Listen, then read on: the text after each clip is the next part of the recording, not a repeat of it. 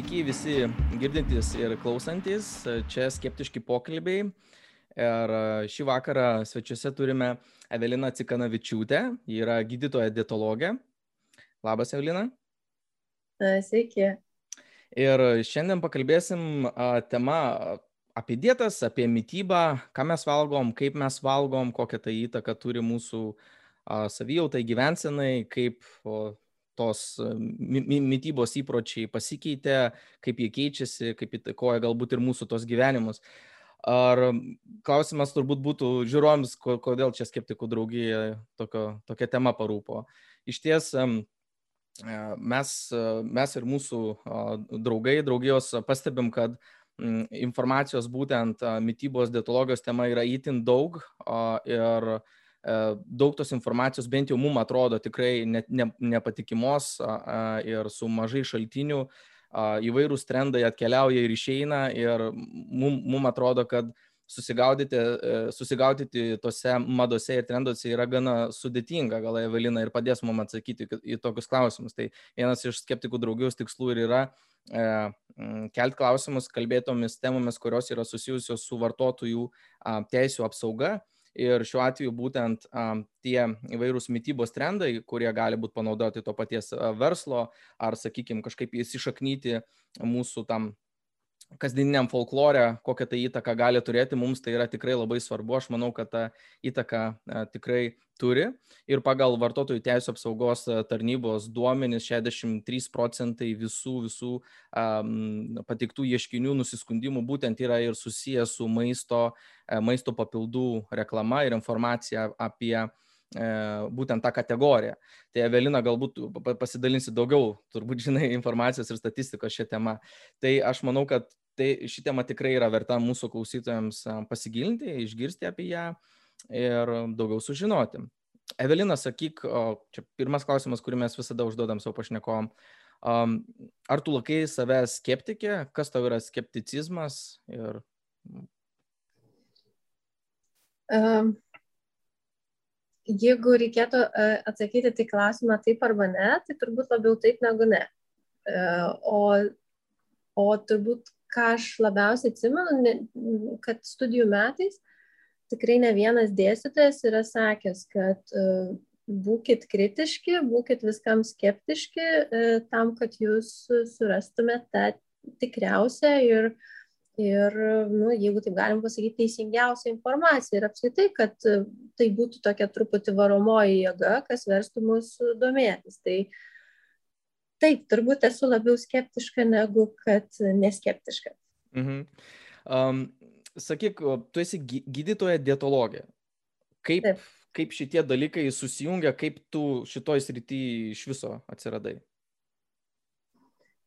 O, čia tokios turbūt nedaug romantikos, kad kaip ir visi mes bebaigdami mokyklą turėjom rinktis e, kažkokią kryptį, e, kur mes norėsim toliau studijuoti ir mokytis, gilintis, tai uh, mane visada tokie socialiniai mokslai truputį labiau traukia negu kad tikslieji ar, ar, ar filologiniai. Tai e, gamtos mokslai, tai taip ir gavosi, kad labiau gal atmetimo būdu liko medicina, o kaip dietologija, tai irgi turbūt, kad labiau dėl to, kad ko aš nenorėjau mokytis, tai nenorėjau turbūt būti E, chirurgė, nenorėjau būti e, kitų dar ten specialybių buvo, kas, kas savo laiku atkrito.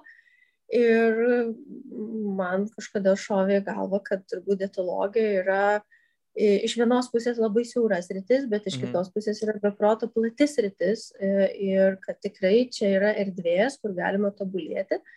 Ir kaip dar vienas dėstytojas yra kažkada sakęs mums, E, pasirinkit tokią sritį, kur, kuri bus truputį nišinė, kad jūs galėtumėte joje būti patys geriausi. Mhm. Kiek metų tu e, jau po, po, po studijų dirbi šitoj srityje? Uh, turbūt, kad yra septinti dabar metai, jeigu neklystu, uh, gal net aštunti jau metai po, po rezidentūros studijų. Ar, ar tada, kai tu, aš kaip tu, tu ir minėjai, kad mažai romantikos, daugiau pragmatinės toks pasirinkimas ir tada vietoj e, kažkokio labiau nepatinkančio atmetimo variantų, variantų liko šitas variantas. Ar, ar tu labiau pamilai šitą, e, nu, šitą sritį, ta prasme, ir a, kaip, kaip jį, sakykime, iš tos vartotojų pusės pasikeitė per tuos metus? Ar, ar ta pasirinkta nišinės rytis pasirodė, kad nėra jau tokia nišinė, tikriausiai. Taip, bet, būtent, kad pastaraisiais metais turbūt atrodo, kad jau visiškai nenišinė, kai aš rinkausi, jinai buvo tikrai dar labai nišinė. A, tai čia reiškia prieš maždaug dešimt metų. A, a, ir jeigu aš svarstau, tarkim, kartais mes turbūt kiekvienas paklausim savęs, ar aš žiūriuosi savo pasirinkimu, ar aš patenkintas, ar aš galbūt norėčiau kažką kitką dirbti, tai mhm. vienareiškiškai, kad ne, aš tikrai esu patenkintas savo pasirinkimu ir man atrodo, kuo toliau, tuo labiau esu patenkinta. Tai aš nevadinu to pašaukimu, bet aš absoliučiai vertinu tai kaip labai teisingą pasirinkimą, kuriuo, kuriuo aš mėgaujuosi. Mhm. Tai aš sekantį klausimą norėjau paklausti dėl būtent to mokslo populiarinimo dalies galbūt tavo veikloje, bent jau kaip aš ir, ir, ir įvardinčiau, ar, ar tai ir yra tam tikra išaiška, išaiška to, kai tau patinka iš tikrųjų tas darbas ir ta profesija. Ta prasme, nes e, matosi, kad e, bent nu, iš tavo postų, iš tavo komunikacijos, tavo, tavo, tavo profilė, kad tu įdedi daug pastangų. Mm, ir nu, čia turbūt ir tiesiogiai susiję a, su, ta, su, su, su tavo profesija, bet, sakykime, tos šviečiamosios, ta prasme, ten tam tikrų, angliškas terminas, debunkinimų, tam tikrų mitų ir panašiai, tai matosi, kad tavo pastanga yra tokia, mm, sakykime, aktyvi labai. Tai ar tai yra susijęs su tuom, būtent kodėl tu iš viso to mokslo populiarinimo, sakykime, ta dalis pas tave atsirado, aš bent jau taip ją įvardinčiau. Nu, man, man atrodo, kad čia apskritai tokia turėtų būti e, by default taisyklė, kad kiekvienas e, ar gydytojas, ar kitas e, specialistas, kuris įgyja įsilavinimą, kuris yra paremtas mokslu, jisai įsipareigoja tą mokslą populiarinti ir remtis tai, kas yra moksliškai pagrista. Ir, mhm. ir, ir kartais tenka iš tikrųjų greuti mitus ypač šitoj srity, e, bendrai medicinai, turbūt kuo toliau, tuo vis dažniau, ypač šitų metų turbūt kontekste reikia kitiems specialistams greuti mitus.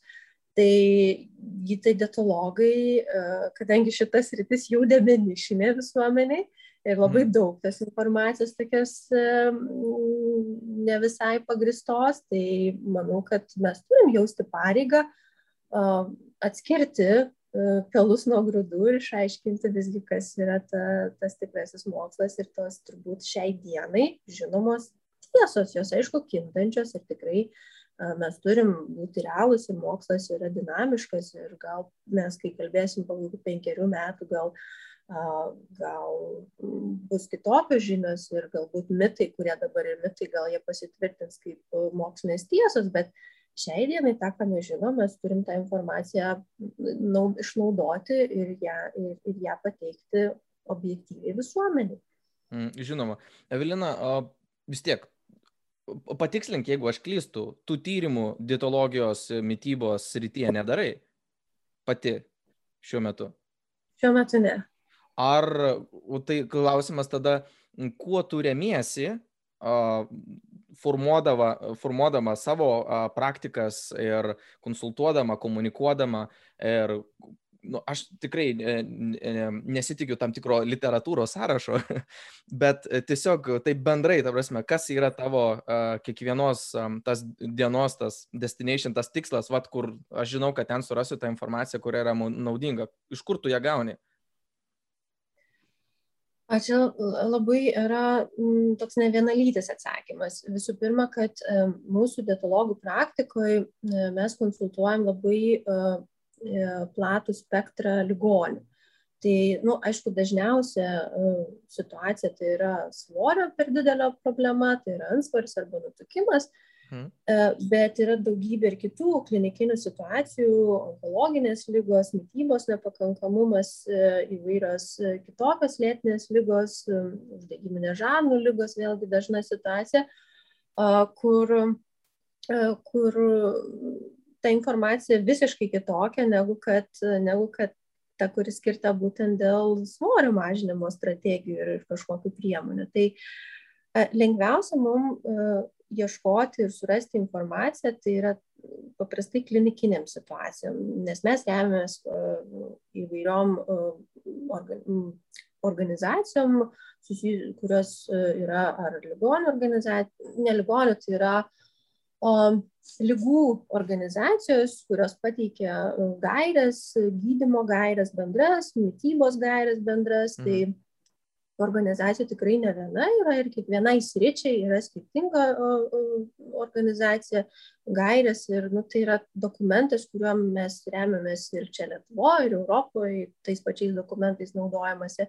Na, aišku, yra vadovėliai, tai vienareikšmiškai, bet vadovėlis vėlgi nėra toksai dinamiškas, kaip galbūt labiausiai, kas yra dinamiška, tai yra moksliniai straipsniai, tai yra tie aukštos kokybės moksliniai straipsniai, sisteminės apžvalgos, kuo mes taip pat remiamės ir būtent jais remiamasi sudarant kažkokias e, gairias e, gydymo ar vienos lygos gydymo gairias ar kitos. Tai, va, tai yra mūsų tos kasdieninės priemonės, kuriomis mes kaip įrankiais ir naudojamės. Bet e, ką noriu pasakyti, kad ypač kada mes turim svorio problemą, kadangi svoris nutukimas yra lyga ir tai yra klinikinė situacija, bet svoris turi labai daug um, kitų spręstinų įvairiausių dalykų, kurie supa būtent tą problemą. Tu turi minėti visa... psich, psichologiniai aspektai, paraleliai eina ir taip toliau. Ta prasme, čia nėra vien tik tai dietos ir mytybos klausimas, taip? Taip, taip, tas, bet net ir kalbant apie dietą, kad šiai dienai yra labiau einama link individualizavimo visos visų mytybos rekomendacijų. Tai tikrai yra sudėtinga kartais atrasti tuos tikslius atsakymus, dėl to, kad nu, ne visada yra ten, vien, ten jeigu angliavandenių turi būti 50 procentų dietoje, tai tik tai tiek. Tai šiai dienai tokių kategoriškų rekomendacijų, ypač kalbant apie per didelį svorį, apie svorio mažinimo strategiją, ne visai yra, net ir kalbant apie kažkokias lygas, cukrinį diabetą, kitas lėtinės lygas, irgi tų tikslių atsakymų kartais ir nepavyksta rasti. Ir čia jau pasitarnauja mūsų pačių E, praktika, mūsų patirtis, mūsų kolegų patirtis, e, ką mes tarpusavį nuolat aptariam įvairias kažkokias sudėtingesnės klinikinės situacijas ir taip randam kažkokius bendrus sprendimus. Mhm. Aš norėjau paklausti, o turbūt labai įdomi,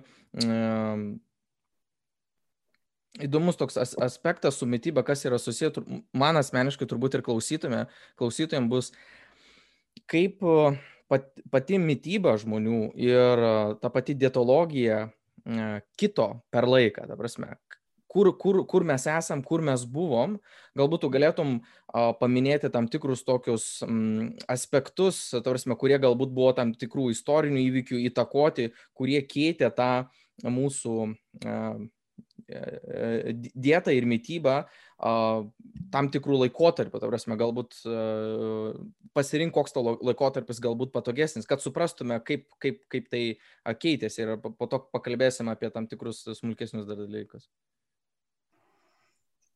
Šiaip yra e, istoriškai e,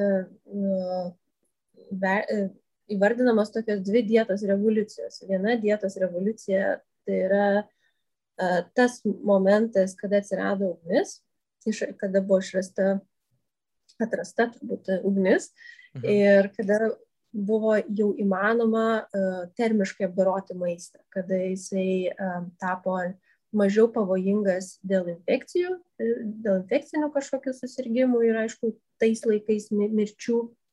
Ir, atsirado tam tikras stalo modelis, tam tikras ritualo modelis, kada žmonės burdavosi aplink ugnį ir, ir, aišku, jie ruoždami tą maistą burdavosi, po to valgydami, bet vėlgi va, tai yra vertinama ta pirmoji dietos revoliucija. O antroji dietos revoliucija tada, kada žmonėje tapo nebeklajokliais, kada jie sugebėjo jau patys užsiauginti maistą, mhm. ne, ne, nekeltis iš vienos vietos į kitą, kad jie išgyventų. Žemdirbystės iš esmės toks atsiradimas. Taip, žemdirbystės atsiradimas, taip. Tai va tai yra ta laikomos dvi tas dietos e, revoliucijos. Tai dabar jau tokių revoliucijų nevyksta, e, kaip, kaip vyko prieš tūkstantmečius. Mhm. Bet aišku, kažkokios tendencijos vis tiek, vis tiek mados, ypač kalbant apie tas komercinės dietas, jos yra. O sakyk, man labai patinka tokia frazė, tu iš mytybos pusės pasakysi, ar yra teisinga ar, ar ne. Pasme, kad mes e, esam tie kūnai, kurie turi tą E, pirmykštę DNR, a, tik tais tokį šiuolaikinę, šiuolaikinę išvaizdą. A, kalbant apie mytybą, ar mūsų, a, mit, kaip sakyt, kūnas yra prisitaikęs dabartiniam maistui, ar jis kovoja su, su tuo maistu, kurį mes, kitaip sakant, kaip tos paralelės, ar mes e, sugebam, nu, kaip sakyti, apdoroti tą maistą, pasisavinti, nu, ta pati, e, ta pati tranzicija į mėsos valgymą, į apdirbtą maistą, tada į kviečių valgymą ir panašių tokių produktų. Gal mes neikim konkrečiai kiekvieną produktą, bet tai bendrai, ar ta mūsų e, evoliucija, mūsų kūno a, eina kartu su to maistu, ar, ar nėra, ta prasme, kažkokio tai to prasikeitimo, kas sukeltų galbūt kažkokias, mm, nežinau, e, kažkokias pasiekmes. Tai tas man labai įdomu tokia labai didelė, didelė tema, kuri vargu ar turi konkrečius labai atsakymus, gal mhm. labiau nuomonių čia nais gali būti pareiškimai. Bet jeigu kaip aš galvoju, tai man atrodo mūsų kūnas e, ne tik, kad prisitaikęs prie šio laikinio maisto, net, netgi per daug prisitaikęs prie to šio laikinio maisto, tai reiškia, kad tikrai įsisavina pakankamai šiuo metu šiais laikais valgo maistą, kadangi didesnė mhm. visuomenės dalis iš tikrųjų uh, ją vargina ansvario ir nutukimo problema. Tai, uh, tai dėl to man atrodo, kad tikrai nėra uh, tos, tos problemos, kad mūsų organizmas būtų neprisitaikęs prie maisto. Jį atmestų, kaip paprastai tariant.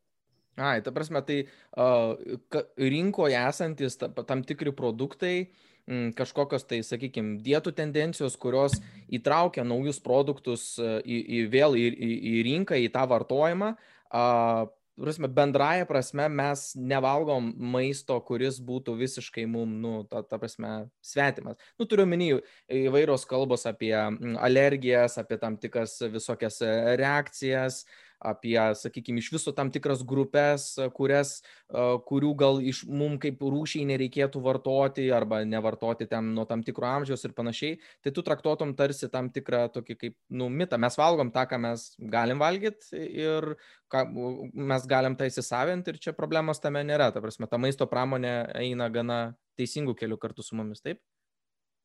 Žinok, nežinau, ar mes galim sakyti teisingų ar neteisingų.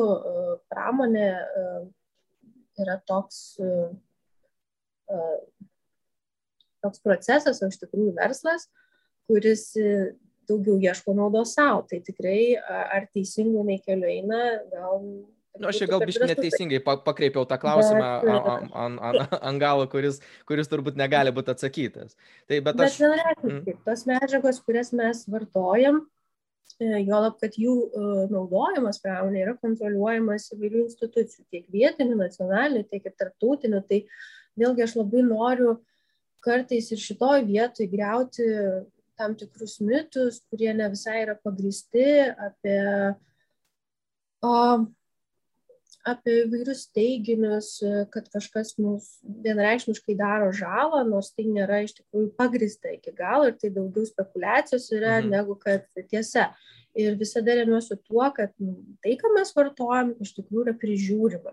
Kiek mes tom pasitikim, tai čia jau turbūt kiekvieno mūsų klausimas, bet visgi turim pasitikėti, mano galva, mes savo institucijom, tiek vietiniam, nacionaliniam, tiek ir tarptautiniam, uh, Ir tiesiog, nu, vėlgi tai yra paremta mokslu.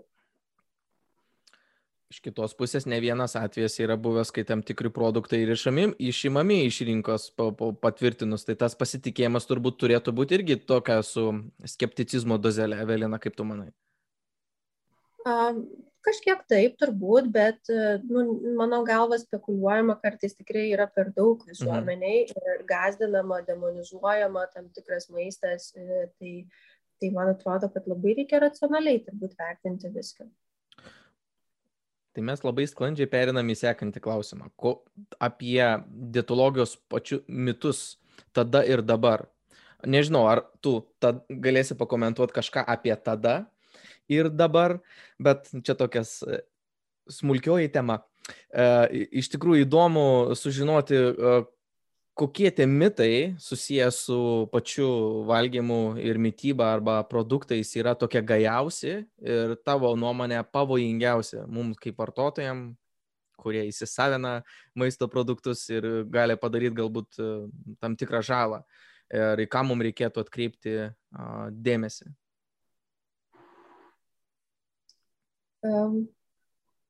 turbūt pats didžiausias e, žalą darantis e, e, reiškinys mūsų visuomeniai yra, kad kažkoks maisto produktas ar kažkokia dieta, kažkoks valgymo metodas pats savaime gali mus pagydyti nuo kažko arba apsaugoti nuo kažkokios lygos. Deja, nei tada, nei dabar na tada gal ne, ne, negaliu taip tvirtai teikti, gal buvo tikima kažkuom, kaip ir dabar tikima, bet tada mokslo nebuvo pažangaus, šiai dienai mokslas yra pažangus šio laikinis, kuris gali atsakyti į, į, į daug klausimų ir mes tikrai žinom, kas galbūt gali teigiamai veikti mūsų sveikatą arba neigiamai veikti mūsų sveikatą. Bet net ir tie elementai mūsų gyvenimo būdo, kurie vertinami kaip sveikatai nepalankus, jie nėra vieninteliai lygų tokie priežastiniai veiksniai. Lygos yra tikrai kompleksinės, kompleksiniai tokie procesai, besivystantis ilgesnį laiką, negu kartais galbūt mes įsivaizduojam, aš turiu omeny lėtinės lygas, mhm. neuminės ne lygas. Uh, Tai iš kitos pusės gal tai skambės truputį paradoksaliai, bet kartais aš sakau, kad visgi nereikia tiek daug laurų atiduoti maistui, nes ne vienintelis maistas yra atsakingas nei gerąją, nei blogąją prasme už mūsų sveikatą. Tai čia vėlgi mes esam tą, ką valgom, šitą frazę, kuri dabar dar labiau nu, atrodo atgyja. Uh, nu, memas, memas naujas pasidaręs, turbūt irgi uh, iš dalies yra pavojinga, kai nueinama į tuos kraštutinumus. Uh, taip. Tai vienareikšmiškai man atrodo, kad nuėjimas į bet kokius kraštutinumus yra, yra pavojingas. Kita vertus, aš iš dalies suprantu žmonės, ir ypač tos žmonės, kurie uh, serga lėtinėmis lygomis arba iš kažkokiam sunkiom lygom, kaip onkologinės lygos arba tokios lygos kaip autoimuninės lygos, kur labai sunku net ir mokslo iki šiol paaiškinti, dėl ko žmonės jomis sergami, mhm. serga. Ir mes tikrai žinom, kad tų lygų uh, rizikos veiksniai yra uh, mūsų aplinka, mūsų ten, kur mes gyvenam, mūsų ne tik maistas, bet ir, ir, ir bendras toks oras, tar, tarša, bet negana to, tai yra ir genetinė visa informacija, mūsų persirgtos lygos, mūsų ten vartoti vaistai kažkokie per visą gyvenimą ir, ir panašiai. Ir turbūt dar tikėtina tų priežasčių yra. Ir dar viena priežastis tai yra stresas, kas vėlgi kartais gali būti moduliuojama, bet kartais nu, ne visai tai nuo, nuo žmogaus mhm. lengvai priklauso. Ir mano manimo maistas e, yra žmogui, tai yra tas elementas gyvenimo būdo, kuris lengviausiai gali būti e, koreguojamas. Tikrai mes negalim koreguoti savo genų, mes savo aplinkos ne visada galim koreguoti, tuo, ko mes sirgo, mes irgi jau nebe, nepakoreguosim, bet vat, maistas tampa tas elementas, kurį mes dar galim kažkaip keisti. Mhm. Fizinį krūvį mes irgi galim keisti, bet ne visada jį taip lengva keisti, kaip keisti galbūt maistą pasiemus kažkokią dietą arba pasiemus kokį nors top 10 sąrašą ir visas viltis atiduodant tam sąrašui. Tai va dėl ko man atrodo tas maistas kartais tiek yra sureikšminamas.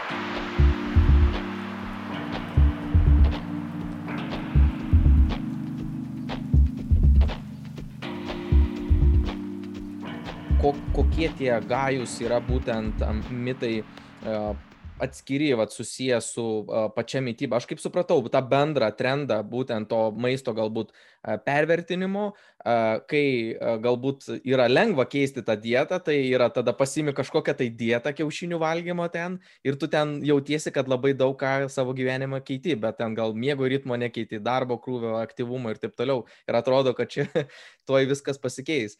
Bet e, kas aplink, sakykime, tą dietą ir mytybą, aplink tą temą sukasi, kas ta, tavo manimų, mokslininkų e, tyrimų išvadose matoma, kad tai yra tie mūsų įpročiai, kurie e, ir supratimas būtent apie tą mytybą, kurie turėtų tavo nuomonę pasikeisti ir jie duotų didžiausią naudą. Čia labiau klausimas apie mitus, ar kas turėtų pasikeisti valgymo įpročio. Nu, tai mes... automatiškai mitas turbūt dažnai sukuria tam tikrą elgesio kažkokį tai modelį, kad va, tu bijai ten kažkokio tai va, po šešių valgymo, nu sakykim, ten tam tikrą va, po šešių valgymo tu bijai ir tai keičia keičia tavo įpročius ir galbūt gali prisidėti prie tam tikros nu, savijautos ir, ir, ir, mhm. ir, ir, ir vat, sakykime, vat, yra tokios vat, tam tikros tos tendencijos ir vat, tas supratimas apie, apie maistą, kuris tikrai gali padaryti daug, daug įtakos. Tai kaip atrodo tau, mhm. kas yra labiausiai tokio keistino, susijęs su mūsų įpročiais, kas atneštų didžiausią galbūt naudą, jeigu tai bendrai kalbant? Uh, tai apie keistinus mitus yra tikrai iš tikrųjų labai plati tema ir vis tiek viskas susiveda į tai, kad žmonės ieško kažkokio stebuklingo metodo. Ir tada galima šiandien vardinti ir nevalgymą po šeštos, ir pusryčių atsisakymą, ir protarpinį badavimą, ir kitogenę dietą, ir įvairias ten maisto derinimo taisyklės, kurios, kurios ten irgi savo laiku buvo populiarios. Tai tikrai čia galima turbūt susidaryti sąrašą ir aš dar būna kartais išgirstu kokį nors keistą, keistą, e, nežinau, taisyklę keistą, tai labai nustebina. Nustebina pacientai ar žiniasklaida tave jo. labiau nustebina? Pacientai ar žiniasklaida? Pacientai. Pacientas su pacientais dažniau bendrauju, su žiniasklaida mm. vis tiek statistiškai mažiau, bet, bet pacientai, žmonės, tiesiog visuomenė. Va, jeigu taip bandyt sugalvot, kuris mitas yra dažniausias, e, toks va iš tų, kurie niekom nėra pagristi, tai iš tikrųjų tas e, nevalgymas po šeštos. Jis iki šiol yra pakankamai gajus reiškinys mūsų visuomeniai, bet tada kyla klausimas, ar kažką žmogus gali savo blogo padaryti, nevalgydamas po šeštos. Gerai, tai Evelina, pra, prasiplečiam apie tą. Turiu du draugus, porą, kuri nusprendė, kuri nusprendė po šeštos nevalgyti. Ir jie tikrai žiūrės šitą, aš tikrai nusiųsiu. Jie po šešto sako, mes nebevalgom, mes tengiamės, nes va... mums sunkiai sekasi ir taip toliau. Tai prasiplėskim šitą, kas čia per nesąmonė, iš kur jie atėjo ir, o gal čia ir sąmonė yra, sakyk. Tai yra truputį sąmonė ir truputį nesąmonė. Nesąmonė tuom, kad jinai nėra pagrista jokių, jokių uh, jokiais tvirtais įrodymais ir kad pats savaime valgymo laikas jis uh, šiai dienai nėra duomenų, kad, kad turi įtakos. Taip, galim ten kalbėti apie cirkadinius ciklus, yra tam tikrų nedidelių įrodymų, ypač preklinikinėse tyrimuose, kad valgymas iki trečios, bet ne iki šeštos, gali padėti sumažinti svorį. Tai iki trečios, tai čia yra susijęs su tas saulės e, šviesos intensyvumu. Ir mhm. tai, kad e, tie mūsų cirkadiniai ciklai visas hormoninis profilis, jisai keičiasi priklausomai nuo šviesos intensyvumo paros metu. Va, bet tie tikrai įrodymai nėra, e, nėra tokie tvirti, kad mes jau būtumėm kategoriškai, kad reikėtų mums baigti valgyti trečią dienos. Apie šeštą valandą tokių įrodymų ne, nu, ne, nėra ir tas šeštos valandos nevalgymas, ar jis turi prasme? Bet jis labai gražiai laikrodė atrodo. Taip, taip, va čia būtent, kad jis parinktas labai praktiškai. Kada mes dvi baigiam darbą, maždaug penktą baigiam darbą, grįžtam namo, šeštą pavalgom. Ir tai yra visiškai logiška, visiškai normalu. Uh, tik tai nėra visai normalu, jeigu, tarkim, žmogus įmiegoti eina 12-1 dienos, atsiprašau, nakties, vakaro ir, ir, ir natūralu, kad dar per 6-7 valandas laiko jis užsinorės valgyti. Ir, ir jeigu žmogus laikosi to griežto uh, nevalgymo iki šeštos, jam gali kilti labai didelis diskomfortas. Ir tokia per griežta taisyklė, kurios gali jis neišsilaikyti, dėl to neišsilaikymus kažką suvalgys, tai gali sąlygoti emocinį valgymą, tokį perteklinį valgymą, gali atsirasti kalties jausmas, kad jisai neišsilaikė savo sukurtų taisyklių Ir tai užsisuka toks įdingas ratas, kas ilgainiui gali nuvesti iki valgymo sutrikimo. Tai mhm. visos taisyklės jos turi turėti pagrindą. Tai jeigu žmogus eina mėgoti 90 valandą, tikrai yra racionalu pabaigti valgyti ten iki 6 ar iki 7 valandos vakaro. Bet jeigu jis eina mėgoti, mėgoti tikrai labai vėlai, tai nu, ne visai tai yra racionalu, nebent žmogui natūraliai nesinori. Jeigu žmogui natūraliai nesinori, tai viskas tvarko, jis intuityviai valgo ir jam viskas gerai su tuo laiku. Bet tas, vat, tas natūraliai, vat, irgi vat, tas klausimas, nu, mes turbūt uh, kai turim tiek daug informacijos, mums sunku atkreipti turbūt į, sunku atkreipti dėmesį į savo kūno tam tikrus poreikius, turbūt, kada aš noriu valgyti, kada nenoriu, kada atsiranda tas apetitas, ta prasme, dienotvarkė tave mėto ir vieto ir sunku atsirinkti. Tai aš esu įsivaizduoju, jūs patvirtinsit ar, ar paneigsit, kad reikėtų vis tiek turėti tam tikrą turbūt tokią dienotvarkę ir tam tikrą tokį ciklą, kur tu pats galėtum pamatyti, ar tau jau norisi valgyti, ar, ne, ar nenori, kaip tu jautiesi ir gyventi tam tikrų tokių pastovių ritmų, kad tavo organizmas galėtų pasakyti, kaip tau reikėtų maitintis. Turbūt organizmas galėtų padėti ir išgrininti, prasme, kada tas yra geras momentas pagal tavo galbūt miego ten ir kelimosi tos ciklus, ar aš teisingai prezimuoju.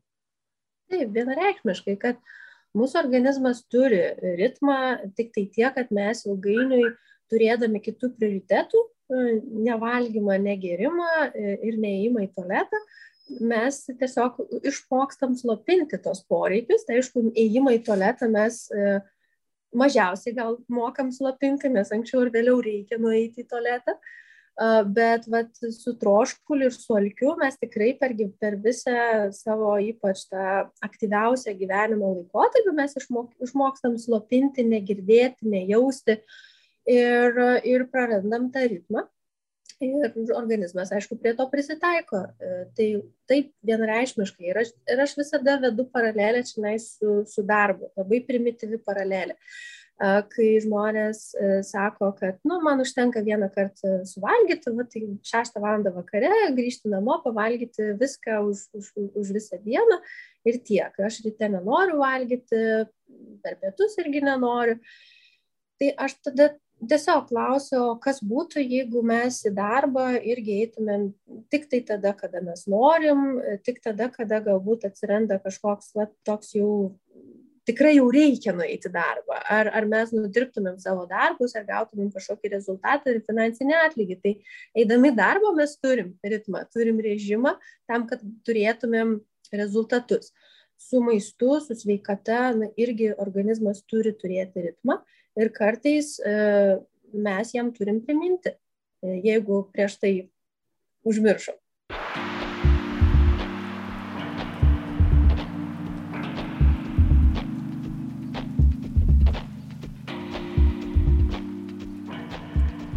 Minėjai savo uh, klientus ir veikiausiai jie atsineša įvairiausių istorijų, įvairiausių tų pačių mitų apie dietą ir tu turbūt per juos sužinai, kas vyksta tam tikrose influencerių knygose, postuose, žin, kokią e, žiniasklaidą informaciją ištransliuoja, turbūt jį pareina per klientus ir per jų ten istorijas ir jų, ir jų įpročius suformuotus uh, uh, mytybos. Uh, kokios tos dietos ir mytybos tie įpročiai, kurie yra formuojami pramonės tam tikrų tų dietologų, yra dabar gajausi ir, ir, ir pavojingiausi. Nes aš esu girdėjęs ten visokių pavadinimų, ten nuo A iki Z. E, pagal produktus, pagal, pagal ciklus, pagal, ten, pagal lytis, pagal, pagal viską, ką nori.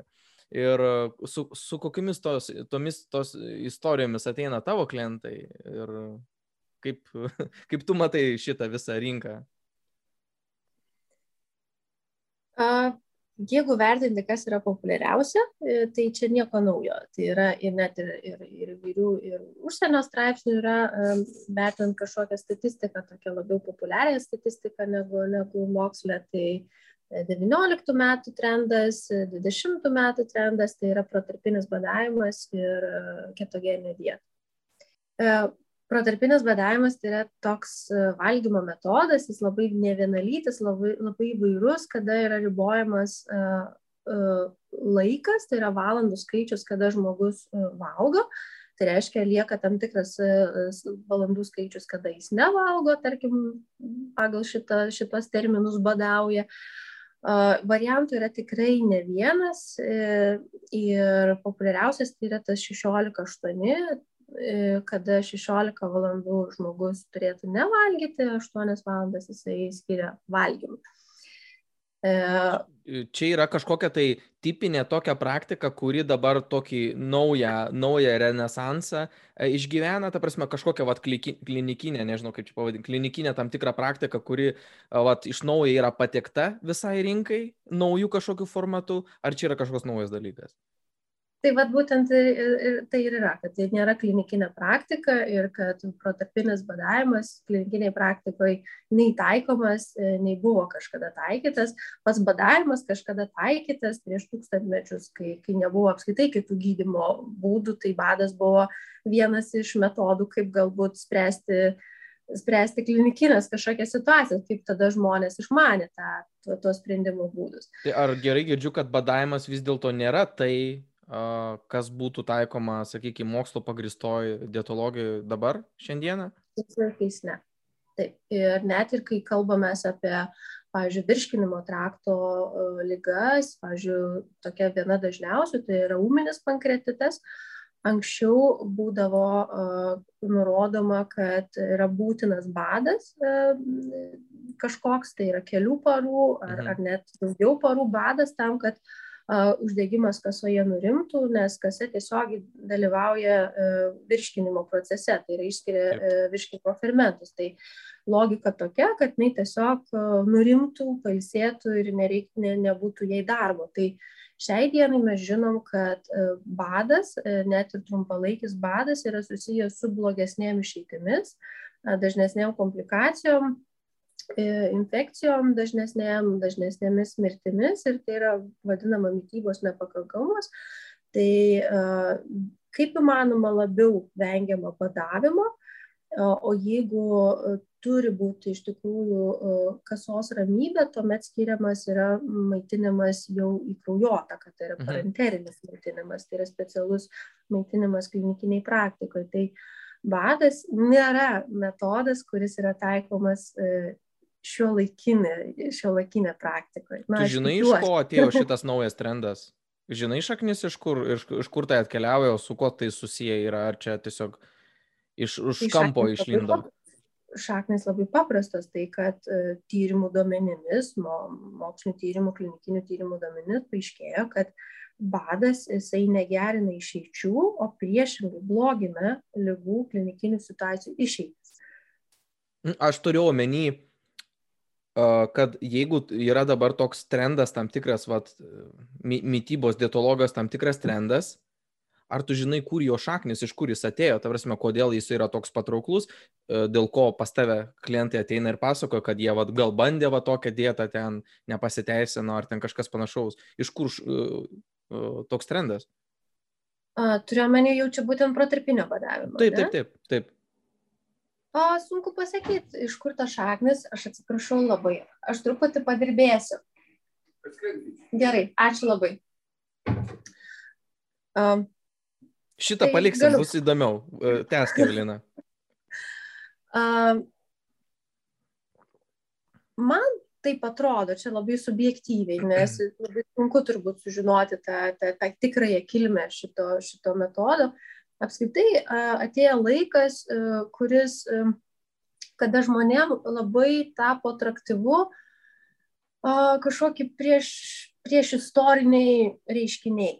Tai yra tarskim, tas badas buvo naudojamas prieš tūkstant, tūkstantmečius ir tada veikia kaip gydimo metodas, tai jis galbūt ir dabar turėtų veikti ir kad tai yra labai, labai organiška, labai turėtų natūralu. būti natūralu kūnui, jokios čia tarsi intervencijos nėra, jokios chemijos, nieko. Ir, ir tas išsivalymo kažkoks nuolatinis noras.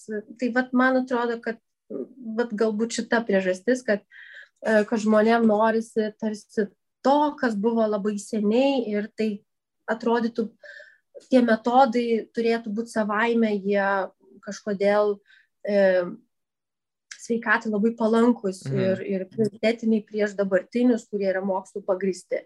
Nes sutikim, tikrai yra dalis žmonių, kurie mokslų yra skeptiški, ir jie linkia neikti tą, tą šio laikinį mokslą, jie linkia į alternatyvas. Tai mano supratimu, tai protarpinio badavimo dieta tai yra alternatyv, alternatyvus šiek tiek metodas, kuris, aišku, yra tyrinėjimas, vienreišmiškai yra atliekami tyrimai. Va, ir aš esu vieną teiginį girdėjus, kad apskritai protarpinis badavimas yra tokia dieta, toks reiškinys, tai yra socialiai priimtinas būdas, kaip netvarkingai valgyti. Ta prasme, kad adaptuoja visuomenė savo e, mytybos e, tokias klaidas, tam tikrus, e, e, tos leitmotyvus, kurie kartojasi prie tam tikrų kažkokių tai, sakykime, senų praktikų ir sako, o pažiūrėkit, čia visai netaip ir blogai. Ir tas mitas tam tikras, tam tikras mm, neteisinga praktika, kuri gal kažkada tai buvo jau kaip ir dingusi, antrą kvepavimį įgauna ir, ir, vėl, ir vėl startuoja mūsų kasdienybei. O tu minėjai taipogi keto dietas. Kas, kas tai yra? Aš pats dirbu a, spaudos sektoriuje ir dirbu su įvairiais prekės ženklais, kurie labai akivaizdžiai į savo mm, produktų, uh, nu, tas, tas sakykim, kategorijas įtraukia įvairius produktus, keto produktus. Aš kol kas mhm. nesidomiau, žinok, nežinau tikrai, kas tai yra. Papasako, kas čia per reikalas. Viskas keto. Viskas keto. Kas tas keto? tai a, pirmiausia, ketogeninė dieta, bet jeigu, kai tu uždavai klausimą, kuris čia metodas būtų pavojingiausias ir kas yra pavojinga, tai a, na, jeigu taip objektyviai vertinti, tai tikrai nėra daug tų priemonių, kurios yra va, tikrai itin pavojingos. E, gyvybei, sveikatai, aišku, jeigu mhm. tai yra kažkokie kraštutiniai būdai, tada taip. Tarkim, nu, kiaušinių, vien, valgymas vien kiaušinių, pavyzdžiui, ten mėnesį laiko ten, nu, pavyzdžiui. Taip, bet tada jau, taip, bet nu, mes sutikim, kad tokie metodai tikrai yra nu, ne, ne, ne visai tokie jau mainstreaminiai ir kad nu, nu, nėra tai labai dažna. Taip. O keto yra dažna ir tikrai ir tai yra va, ta ant, antra top dieta pastaraisiais metais, bet uh, Šiaip klinikiniai praktikoje keto dieta yra naudojama ir, ir, ir naudojama jau turbūt daugiau negu šimtmetį, e, kai, kai tai yra e, vaikam, daug pradėta vaikam, kurie serga e, epilepsija, pastebėta, kad, kad badas jam sumažina, sumažina priepolių dažnį ir priepolių intensyvumą. Tai yra angliavandenių ribojimas pirmiausiai pastebėta, kad o po to atsiprašau pastebėta, kad angliavandenių ribojimas jisai sukuria uh, bado sąlygas, uh, kad negaunama energija iš angliavandenių ir efektas toks pas kaip ir uh, žmogui badaujant, tuo atveju vaikui mhm. badaujant, mhm. tą patį rezultatą turi. Tai klinikiniai praktikoje ketogeninė dieta e, sergantiems epilepsija, kurių, kurių e, lyga yra nevaldoma vaistais. E, šita dieta yra taikoma, tai tiek vaikam, tiek ir saugusiam.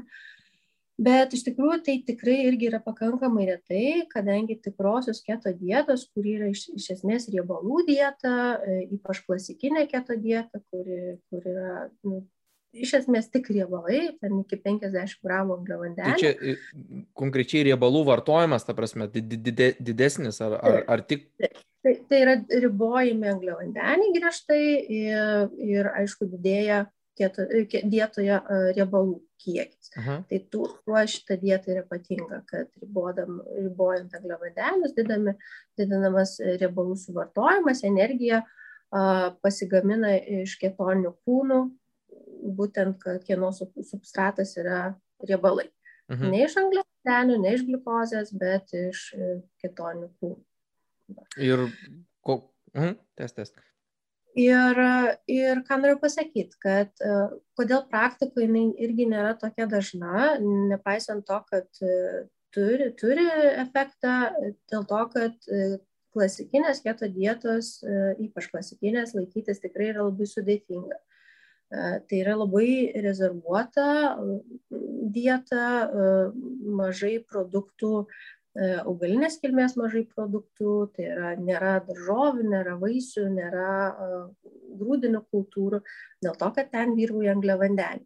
Mhm. Tai tikrai išsilaikyti nu, labai atsakingai šitos dietos, taip kaip reikėtų, yra pakankamai sudėtinga. O galima, aišku, ją adaptuoti į, į, į, į, kit, į kitus variantus, tai jie tokie mažiau griežti, e, bet, bet kokia atveju, kaip minėjau, tai jeigu įmanoma valdyti epilepsiją su medikamentais, tai prioritetas yra medikamentai.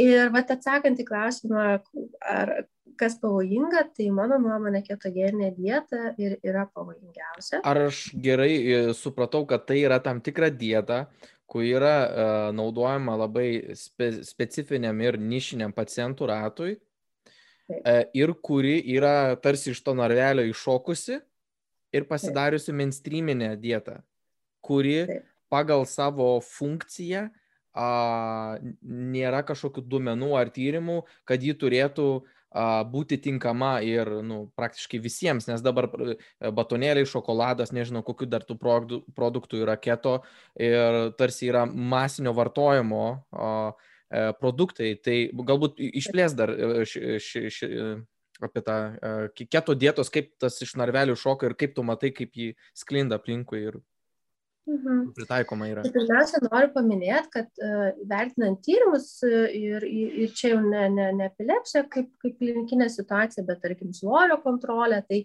keto dieta šiai dienai uh, kokybiškų tyrimų rezultatais neturi prioriteto prieš dietą, kuri yra tiesiog kalorijas ribojanti subalansuota dieta, kurioje yra tinkamas kiekis angliavandenių mm.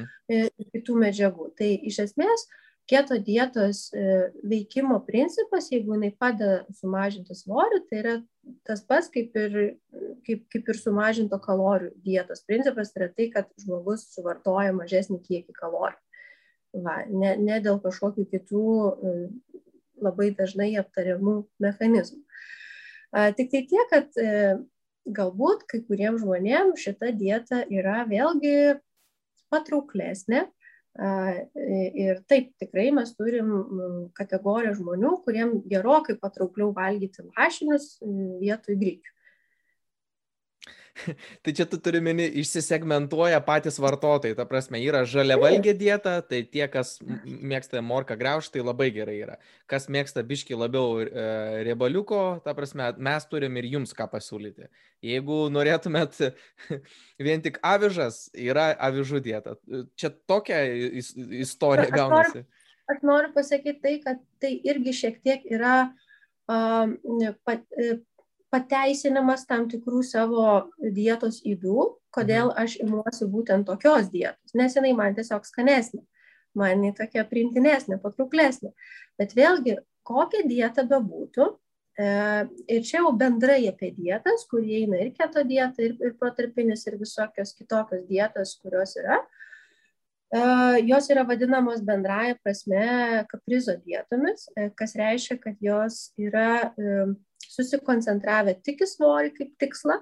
Mhm. E, ir jeigu mes dietą e, naudojam tik svorio kontroliai, mes pamirštam, kad mes esam šiaip organizmas visuma, kur turi ir, kit, ir kitas galbūt lygas arba riziką lygų, pavyzdžiui, onkologinių lygų, lėtinių kitų lygų.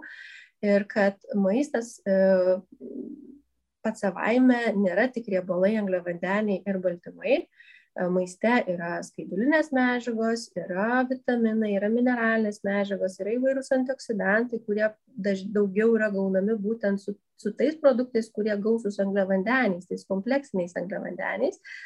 Tai va čia, man atrodo, yra didelė įda visuomenės, tai nėra tik Lietuvos visuomenės, kad uh, kad e, daugiausia visgi yra koncentruojamas į svorio kontrolę, bet ne į sveikatos tikslus. E, ir e, pramonė tuom naudojasi. Ir jeigu klausimas apie tai, apie, apie tos visokius pa, papildus ar, ar, ar kažkokias priemonės, botonėlius ar dar kažką, apskritai ta visa dietos rinka jinai tikrai yra išmani ir tikrai pasinaudos galimybėm, jeigu tik tai jom įmanoma pasinaudoti. Tai tikrai šiuo metu naudojasi ir labai noriu, kad visuomenė būtų samoningesnė ir suprastų, kad iš tikrųjų jais yra naudojamas.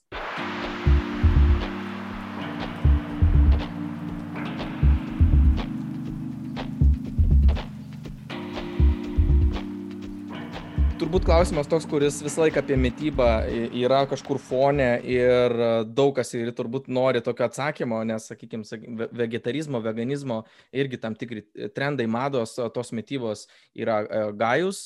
Ir irgi trumpas tiesiog klausimas, ar žmogus gali pilnavertiškai maitintis ir turėti pilnavertę mytybą e, atsisakęs gyvulinio maisto, gyvulinės kilmės maisto. Absoliučiai visą gyvūnės kilmės maistą. Nu, sakykim, taip, tai ve, ve, veganai, imkim, veganai, sakykim, tokį jau kraštutinį pa, pavyzdį, bet turbūt daugam kyla, galbūt kažkas abejoja mhm. ir dvėjoja informacijos, va tiek, kuri yra mhm. abiejose pusėse. Kaip tu manai ir ką, ką galėtum to, toje vietoje mhm. pasakyti? Šiaip, jeigu taip jau labai teoriškai vertinant, tai veganė dieta jau nėra subalansuota dieta ir kad jau ten yra elementų, kurių tikrai žmogus turėtų pritrūkti. E, tai tarkim, tas pagrindinis tai yra B12 vitaminas. Mhm. Va, aišku, labai priklauso nuo kiekvieno organizmo. E, B12 vitamino rezervai gali būti neišsemiami ten keliarius metus. E, Iš kitur mes negalim jo pasimti? Aktyvaus ne. E, aktyvus tai yra tik gyvūnės kilmės. E, tas yra augalinės kilmės, iš jūros dumblių jisai vertinamas kaip ne, neaktyvus ir, ir dėl to jo nauda nu, yra abejojama. Tai tokiais atvejais teoriškai jau reikėtų rekomenduoti e, reguliariai, periodiškai vartoti B12 vitamino papildus. Visa kita daugiau mažiau reikėtų spręsti pagal kiekvieną situaciją. Ir vėlgi kartai gali nutikti tokia situacija, jeigu žmogus veganas ir sveikas, jam tikrai visko užteks. Mhm. Bet tarkim, jeigu jisai susirga COVID arba kokia nors ten lėtina lyga, tada jau jam gali pritrūkti ir va tada jau iš tikrųjų reikia spręsti labai individualiai, ką įtraukti į racioną dėl pačio gyjimo proceso. Tu turi mini, kad e, tam tikrose to, tokio kritiniai situacijoje organizmas, norėdamas atsistatyti, gali greičiau prarasti tam tikrus elementus ir jam atsistatyti bus sudėtinga, todėl tada gali tekti ir tą dietą ir racioną pakeisti greitai, taip? Taip, taip. Tai yra kritinės situacijos, net, net yra uh, yra tos, e, pavyzdžiui, kalbant apie baltymus, yra nepakeičiamosios amino rūgštys, kurios yra gaunamos daug, daugiausiai tik tai su gyvūnės kilmės baltymais ir yra saliginai nepakeičiamų sąrašas, kuri, kurios yra įprastai, įprastom sąlygom uh, sintezuojamos mūsų, mūsų organizme. Mhm bet kritinių e, situacijų metu jos irgi tampa nepakeičiamosiomis. Tai reiškia, kad e, irgi mes turim gauti su maistu. Tai čia toks labai paprastas pavyzdys, kad taip, tos kritinės situacijos jos pareikalauja daugiau maistinių medžiagų, elementariai baltymų. Baltymai yra mūsų uh, gyvybės toks pagrindas ir, ir dalyvauja uždegiminiuose procesuose, ypatingai kada yra tokios ūminės būklės, tai dėl to jų poreikis ir, ir tampa ženkliai, ženkliai didesnis, gali būti dvigubai didesnis ar net daugiau. Tai va tokiuose situacijose nu, gali reikėti spręsti jau dėl visą valgės dietos, ne, ne, ne, be, kažkuriam bent jau laikotarpiu, kad žmogus e, gautų visas jam reikalingas maistinės medžiagas. O tu padedi savo, savo, savo pacientams, savo klientams pereiti į, sakykim, veganinę dietą, ją rekomenduoji, daug tokių atvejų turi, susiduri su žmonėm, kurie grįžo iš tokio a, mytybos a, m, modelio ir kažkokių pasiekmių susilaukia, kaip, kaip tu tą matytum? Jeigu kalbant apie gryną jau vegetarizmą, veganizmą, tai apskritai tiesiog tokių atvejų yra pas mane buvę vienetai. Tai dėl to nu, tikrai mano supratimu veganizmas e, yra tikrai retas reiškinys visuomenėje, vegetarizmas arba dar kitas terminas yra tas fleksitarizmas, mhm. kada gyvūnės kilmės maistas valgomas epizodiškai. Šitie reiškiniai yra dažnesni, jie kartais intuityvūs, visiškai žmonės tikrai sąmoningai nesirenka to, bet jie taip jausdami rečiau valgo gyvūnės kilmės maistą. Tai veganizmas uh, gal galbūt kitaip atrodo visuomenėje, bet praktikoje tikrai yra retas.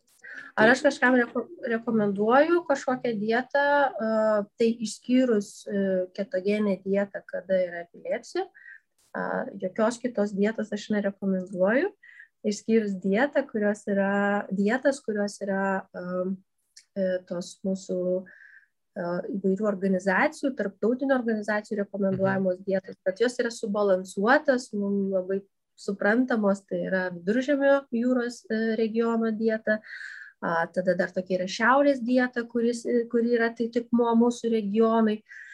Tuomet dar. Patikslink, ką tu turimi, ką tai reiškia. Tasme, kad e, to regiono žmonės, prisit, jų organizmas prisitaikęs prie tam tikrų mytybos įpročių ir pagal tai reikėtų iš dalies taip, bet labiausiai tai dėl to, kokie produktai mūsų supa. Tai tarkim, pavyzdžiui, viduržėmio jūros dieta turi alyvogių aliejų, o šiaurės dieta yra rapsų aliejus ir linų semenų aliejus. Na, čia mhm. elementarus pavyzdys.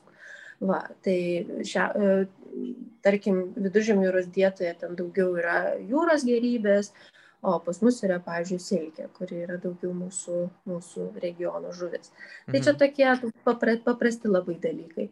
Dar yra tokia dež dieta, kuri irgi yra mm, moksliškai pagrista, subalansuota dieta skirta e, širdies kraujagyslių lygų prevencijai, svorio prevencijai, bet iš esmės tai yra sveika dieta.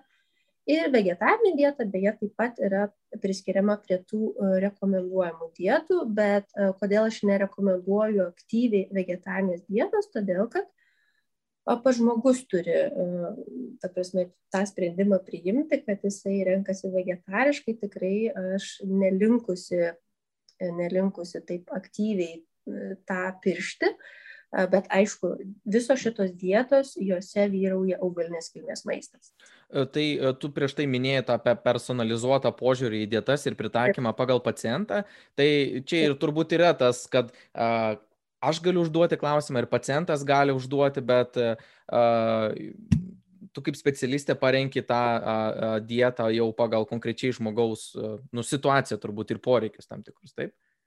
Apskritai, žodžio dietą mes linkę praktikai nenaudoti. Uh, ta prasme, kad žmogus nesifiksuotų, kad jam yra kažkokia dieta taikoma. Nes... Kokią terminologiją naudojate? Uh, maisto racionas ir, ir net dabar pati galvoju, ką aš sakau, bet dietą mes kaip žodį, aš kaip dietą žodį naudoju, bet aš sakydama žodį dieta, aš turiu omeny visą maisto visumą. Ne kažkokią konkrečią dietą, viduržėmio jūros dietą, ar ten kažkokią grikių dietą, ar dar kažkas, bet tiesiog, kad tai yra visa maisto visuma. Ir čia taip yra e, sugadintas tas e, žodis dieta dėl to, kad mes dietą taip ir suprantam, kad tai yra kažkoks e, ribojimas, atsisakymas, kažkoks, nu, metodas. Jo, tai turi net ne, neigiamą tą tokią psichologinę kanotaciją, taip, kuri, kuri taip, gali taip, nu, pakenkti taip. tam procesui turbūt irgi. Taip. Tai aš naudodama žodį dieta, kitam truputį kontekste, aš sąmoningai tą kartais darau, su tikslu atkurti tą tą vat, būtent įspūdį apie šitą žodį mhm. ir santykių su tuo žodžiu. Va, o šiaip dažniausiai tai turbūt apie nu, racionas yra tas žodis, kurį, kurį, kurį aš naudoju, toks mano galva neutralus. Bet tikrai ne, nekalbu apie tai, kad aš jums rekomenduoju viduržėmio jūros dietą, jums aš mhm. rekomenduoju deš dietą arba ten dar kažkokią dietą, dėl to, kad žmonės apskritai yra labai apkrauti dietomis ir įvairiais. iš ko pasirinkti, iš ko tiek pasirinkimų, tiek pasirinkimų. Taip, taip, kurią pasirinkti? Komer, gal keto, gal protarpinių badavimų, nežinau. jo. Tai meniu dietų mes tikrai nepateikėm, turiu omeny sąrašo dietas, kurio pacientas išsirenka, tai taip tikrai. Ja, jeigu riebalų daugiau mėgsti, tai šitą, jeigu angliavandenių, tai taip toliau. Evelina, ačiū tau labai už pokalbį. Mes turim du tokius punktus, kuriuos aš norėčiau uh, aptart, paskutinius tokius greitus. Savaitgalį uh, sėdėjom su prie stalo su, su, su, su giminėm ir ten buvo kiti, kiti žmonės ir iš tokio deduko išgirdau tą tokią, nu, jau nekartą girdėtą tokią frazę, tai tu dabar paneik arba, a, a, arba pritark ją. E, jis sugebėjo ištraukti tokį argumentą, apie alkoholio vartojimą ir jis sakė, kad organizme natūraliai susi, yra gaminamas tam tikras alkoholio kiekis, todėl ten tas čepkelės gerti nėra taip jau ir blogai. E, Ar tu turi ką pasakyti apie tai? Kaip yra su tuo alkoholio vartojimu ir natūralia alkoholio gamyba organizme? E, čia man kvepia tuo tokiu tokiu argumentu, ta prasme, iš tokios žilos, žilos senovės. Jo, o ką, tu, ką tu galėtum apie tai pasakyti? Aš tokios informacijos neturiu, čia reikėtų jau klausti fiziologijos dėstytojų, ar tikrai susidaro kažkokiose ten metabolizmo etapuose kažkokie alkoholio, nežinau. Evelina, čia tau smulki užduotis. Tikrai nemanau. Tik draugija, čia tau smulki užduotis kaip šitą teiginį paneigti arba iš, išteisinti. Va čia tau bus nedidelė užduotis, kurią, kurią seks mūsų, mūsų klausytojai. Nežinau, ar tu gali prisižadėti tam. Vienareikšmiškai net ne, nesijimsiu šitos užduoties, nebent dėl smalsumo, tik dėl to, kad net jeigu ir pasigamintų, jeigu šitas Taip. teiginys būtų teisingas, alkoholio vartojimas jis negali būti reabilituojamas. Va, kad... O tai kažkas stengiasi re, reabilituoti va tokį argumentą. Tai va, tai, taip, tai būtent. Tai aš labai noriu atstatyti tą vietą, kad, e, kad šiai dienai net ir maži alkoholio kiekiai, net ir tie kiekiai, kurie yra pagal pasaulio sveikatos organizaciją leidžiami, mhm. jie kai kurių tyrimų duomenimis yra susijęs su lėtinių lygų rizika ir ypač onkologinių lygų rizika. Tai tai va tai dėl to alkoholio vartojimas jis negali niekaip būt pateisinamas e, jokiais jokiais tokiais vat kažkokiais atraktyviais faktais.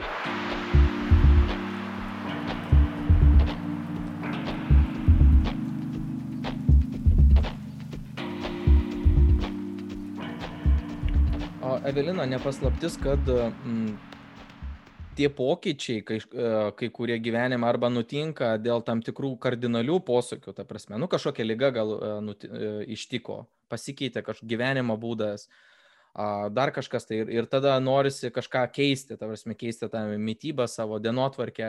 Bet iš kitos pusės tai yra tam tikras ir turbūt ir nu, psichologinis tam tikras dalykas, kai tu supranti kitaip, pažiūri kitaip į tos dalykus, į mūsų valgymo tradicijas galbūt, tam tikras ir įpročius.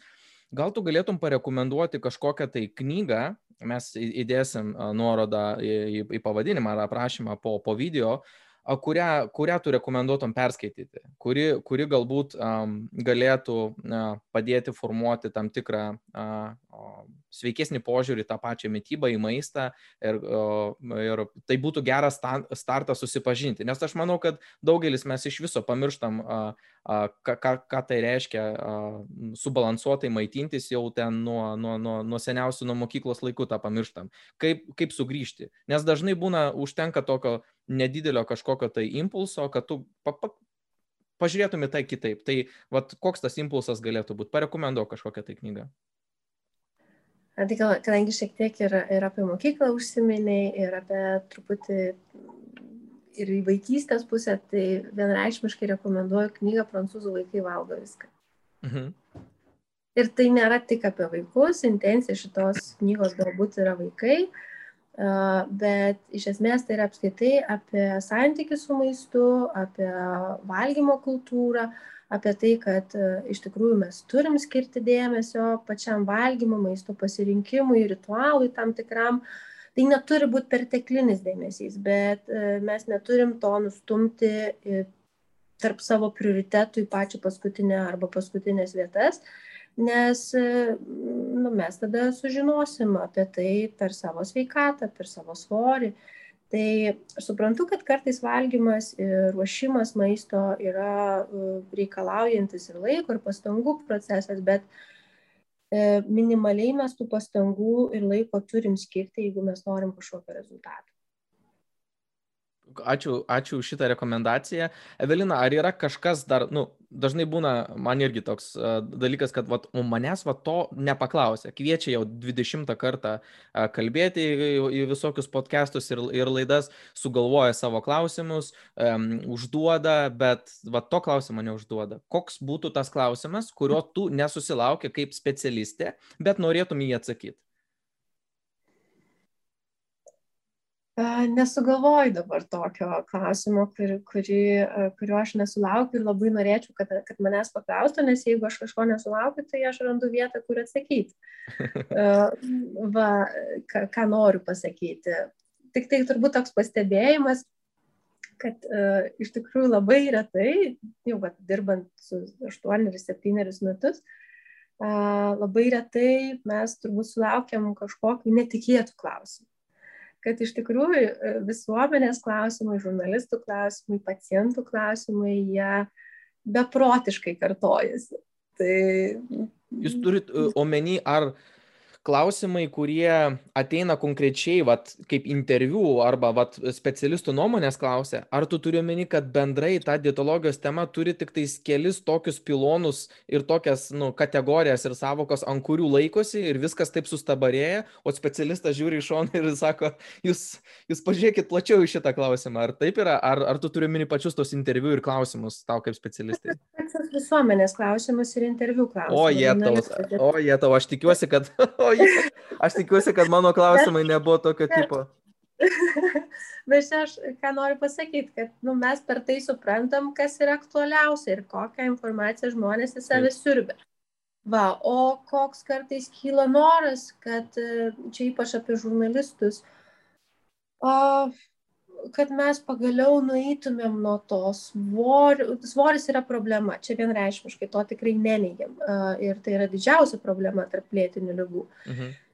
Bet kartais atrodo, kad toks perdėtas rūpestis tą problemą dar labiau gilina. Ir, ir kartais norisi truputį atitokti nuo tos problemos. E, truputį atsipalaiduoti nuo tos problemos. Ką aš kartais darau netgi su pacientais. Aš, aš jų atėjusių konsultaciją sąmoningai nematuoju arba kartais nesakau jiems svoriu kad jie atsitrauktų nuo tų skaičių, kad jie atsipalaiduotų, nes psichologija tikrai labai daug reiškia.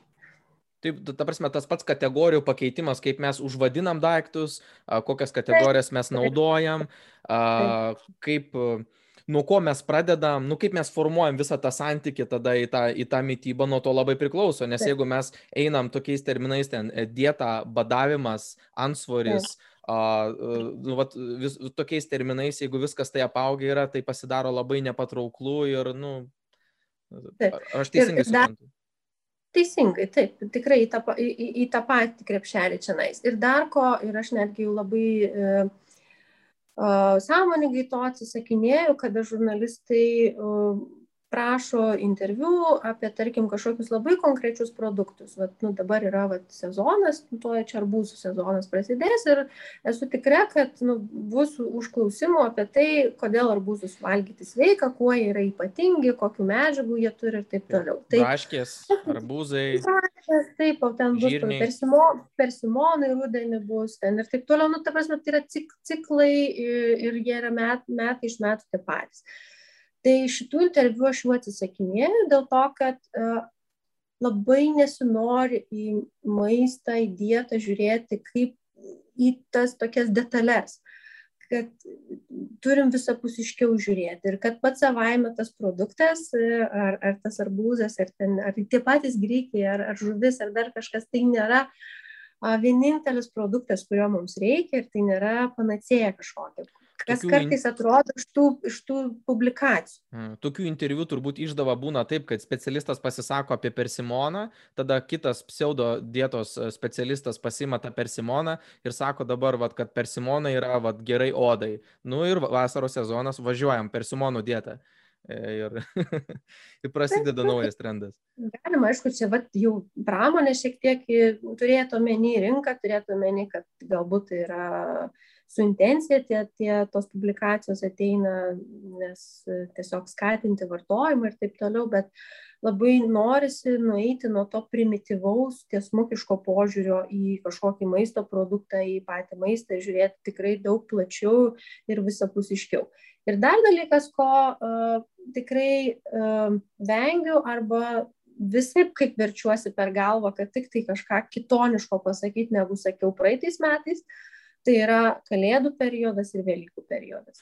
Nes tos temos nesikeičia. Visada. Majonezas, kiaušiniai, jo, jo, jo, čia. Ir, tai, tai aš labai savim didžiuojuosi, jeigu aš kalbėdama dar sugalvoju arba rašydama sugalvoju dar kažką naujo, ko nesakiau prieš tai metus, dar prieš tai ir dar prieš tai metus, bet yra be proto sunku kažkaip tą informaciją pateikti naujau ir, ir patraukliau. Iš kitos pusės suprantu, kad skaitytojam ir, ir visai e, visuomeniai galbūt to reikia ir kartais net ir tos pačios informacijos pakartojimas, kad ir labai nuobodžiai identiškai gausi, irgi yra vertingas.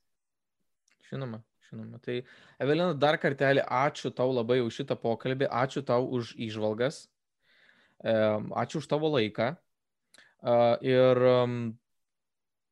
aš kaip, aš kaip ir minėjau prieš pokalbį, kad mes dabar galbūt taip tą mytybos temą apžvelgiam taip labai jau, nu, plačiai, galbūt mes kada dar a, turėsim progą pakalbėti apie kažkokius a, konkretesnius aspektus arba kažkokią tai situacijas a, detaliau.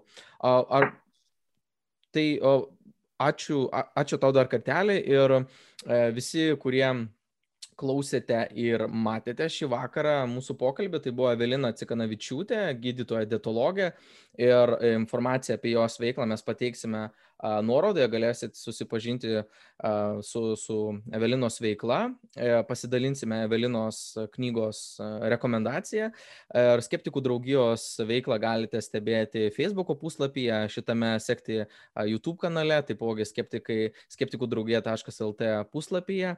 Sekite mūsų veiklą, prenumeruokite, sekite naujus pokalbius. Tai tiek, gero vakaro tada, iki kol kas. Ačiū labai. Iki.